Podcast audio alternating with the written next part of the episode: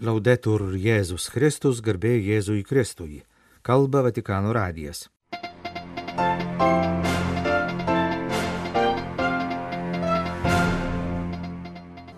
Popiežius paguldytas į ligoninę dėl kvepavimo takų infekcijos. Sveikata gerėja. Jau šį ketvirtadienį paskelbta popiežiaus maldos intencija balandžio mėnesiui.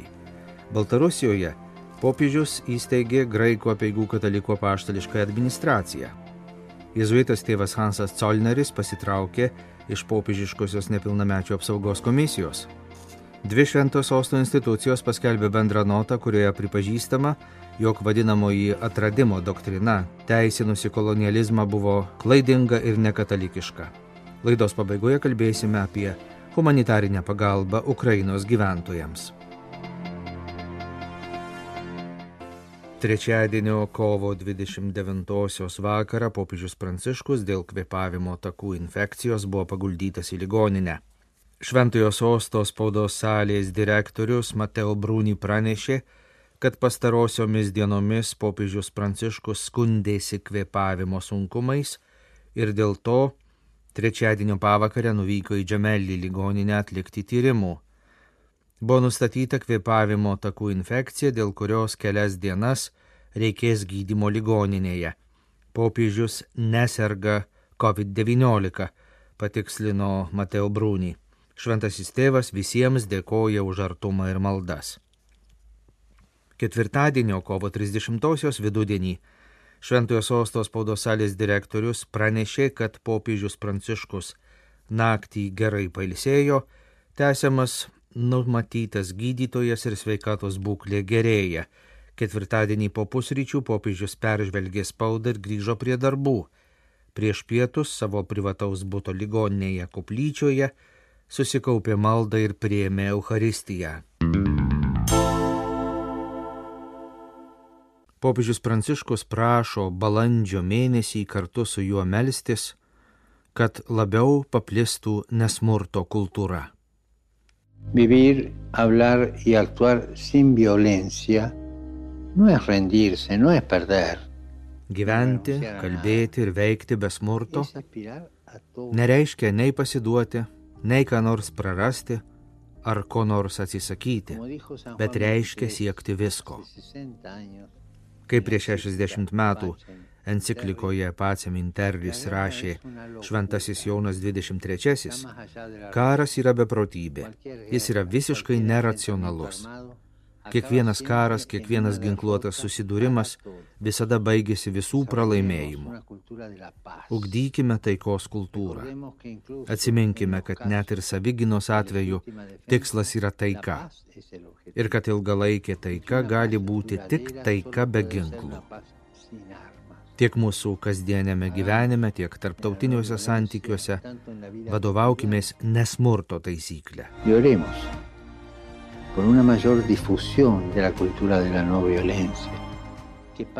Melskimės, kad labiau paplistų nesmurto kultūra, kad tiek valstybės, tiek piliečiai vis rečiau griebtųsi ginklų. Popiežius Pranciškus įsteigė Baltarusijos graikų apieigų katalikų apaštališkąją administraciją ir jos vadovu paskyrė Marijonų kongregacijos kunigą Janušą Sergiušą Gajeką, kuris iki šiol buvo tos pačios graikų apieigų katalikų bendruomenės apaštališkojų vizitatoriumi. Janas Sergiušas Gajekas gimė 1949 metais Lenkijoje.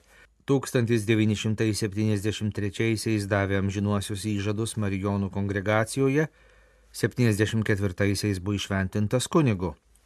1993 metais popiežius Jonas Paulius II jį paskyrė Baltarusijos graikų apieigų katalikų apaštališkojų vizitatoriumi.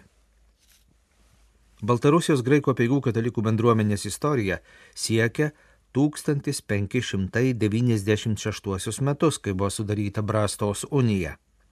1798 buvo įsteigta Minsko eparchija, kurios veikla 1839 buvo uždrausta, tačiau oficialiai vyskupija niekada nebuvo panaikinta. 1939 metais Lvivo arkivyskupas Andrėjus Šeptickis įsteigė Baltarusijos egzarchatą. Steigėja 1941-aisiais popiežius Pijus XII paskyrė apaštališkojų administratoriumi. Šias pareigas jis galėjo vykdyti iki 1943 metų. Graiko peigų katalikų vieša veikla Baltarusijoje buvo atgaivinta 1988-aisiais. Šiuo metu bendruomenė turi apie 5000 tikinčiųjų, priklausančių 16 parapijų. Silovadoje dirba 16 kunigų ir 3 diakonai, kunigystėje rengėsi 4 seminaristai. Popiežiškoji nepilnamečių apsaugos komisija, Šventojo sosto institucija atsakinga už išnaudojimo prevenciją bažnytinėje aplinkoje, paskelbė, kad iš jos narių atsistatydino vokietis jėzuitas tėvas Hansas Colneris. Jis buvo paskirtas Romos vyskupijos konsultantų nepilnamečių apsaugos klausimais. Apie kunigo Colnerio atsistatydinimą pranešė popiežiškosios nepilnamečių apsaugos komisijos pirmininkas Bostono arkivyskupas kardinolas Šaunas Omaliai.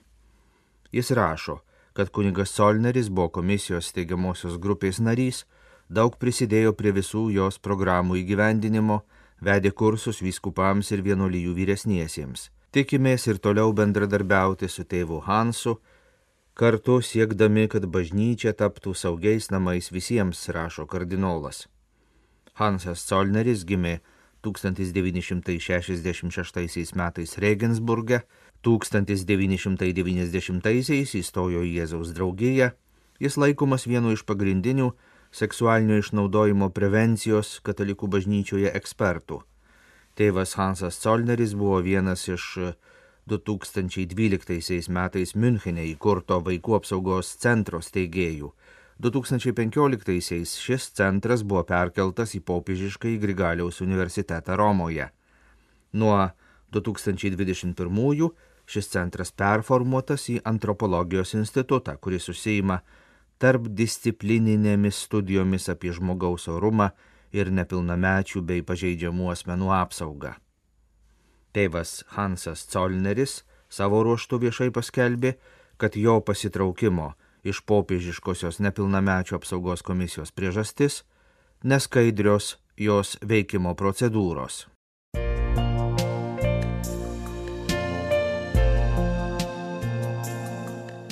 Jūs klausotės Vatikano radio. Tęsėme žinių laidą lietuvių kalba.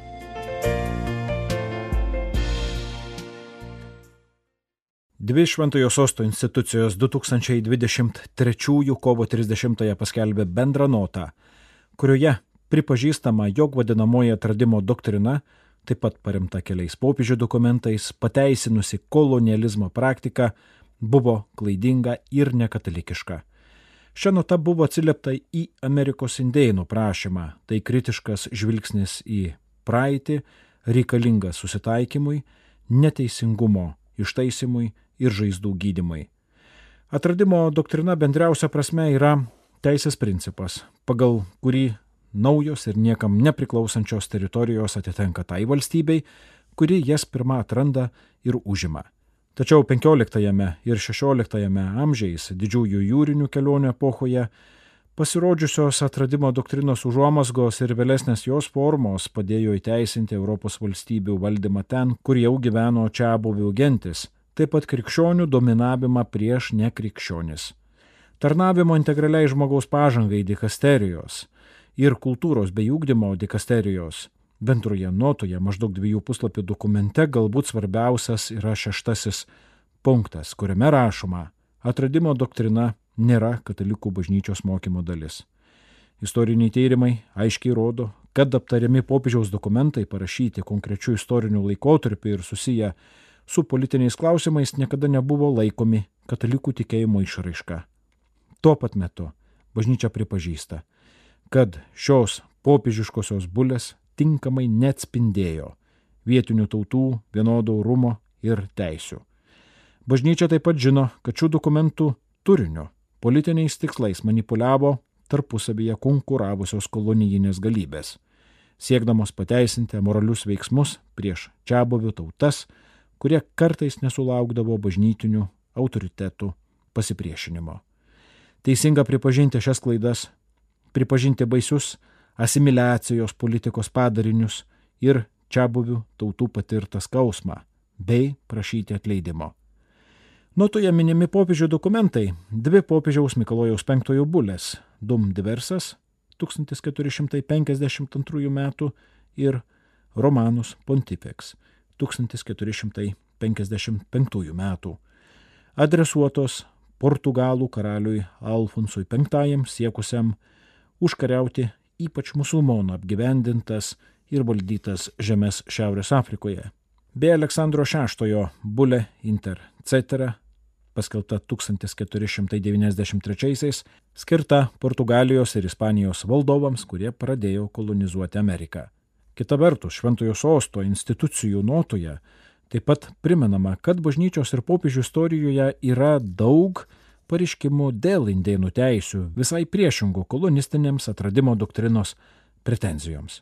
1537 metais Paulius III Bulėje Sublimis Deus rašė, nustatome ir skelbėme, kad iš minėtų indėnų ir visų kitų tautų, kurias atras krikščionis, jokių būdų negali būti atimta laisvė ir nusavybė, net jei jie ir nėra krikščionių tikėjimo.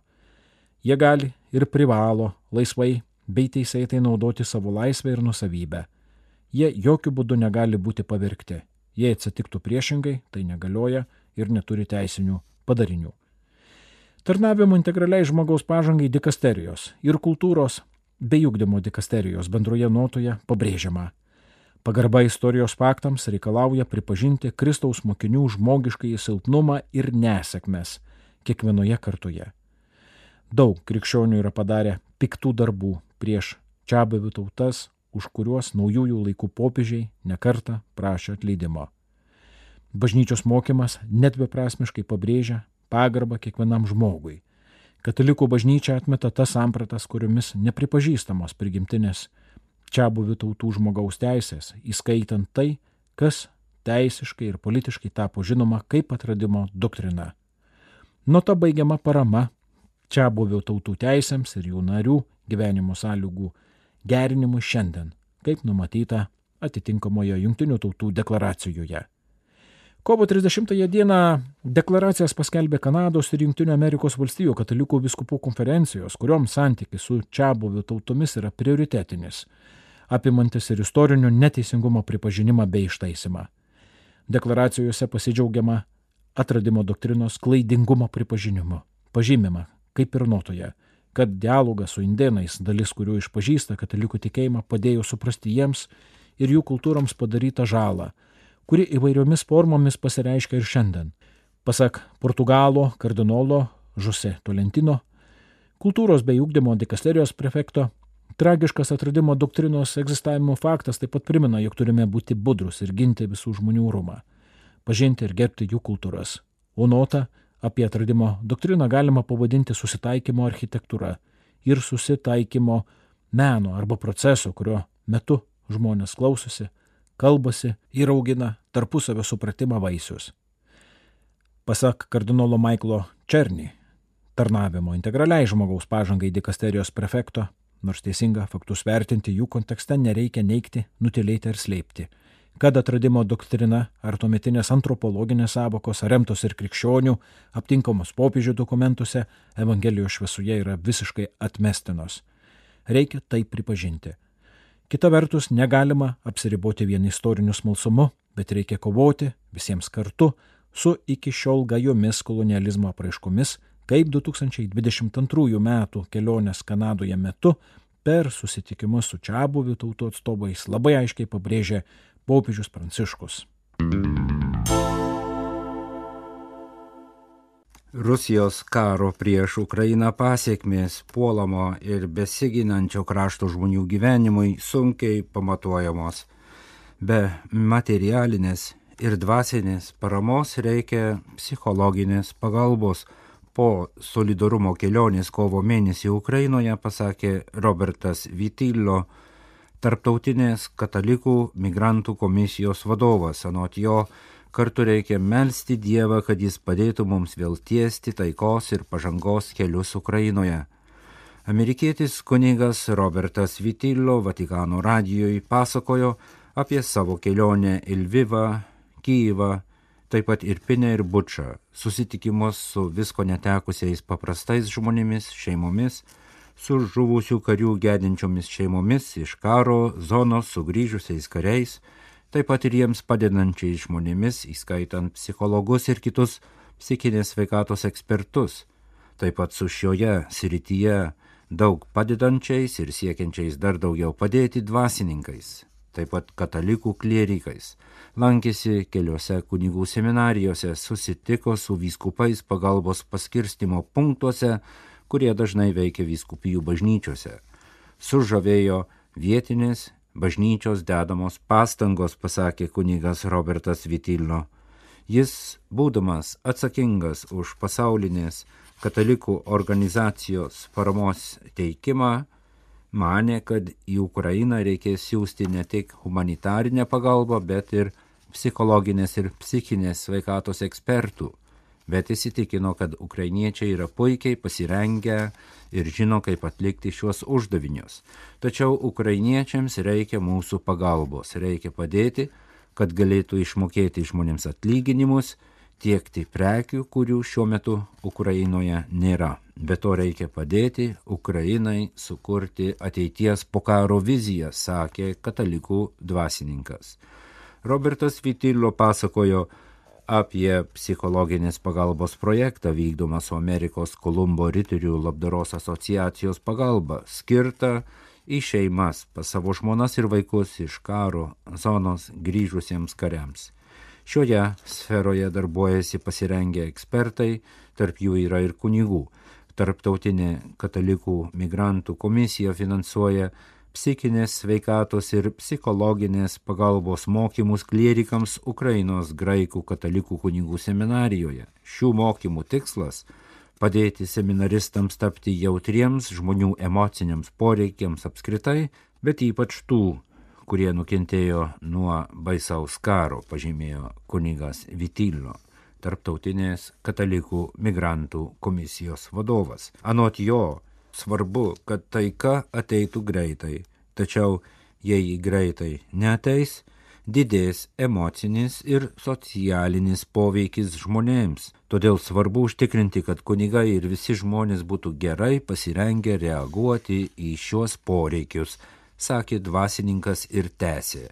Ukrainoje matėme daug vilties ženklų, kaip žmonės iš tikrųjų stengiasi padėti tiems, kuriems reikia pagalbos. Šie dalykai padėjo suprasti ukrainiečių tikėjimo gilumą ir tai, kaip tikėjimas gali suteikti stiprybės. Esu tikras, tikėjimas suteiks Ukrainos žmonėms jiems reikiamo atsparumo ir vilties drąsiai žvelgti į ateitį, pažymėjo kunigas Robertas Vitillo.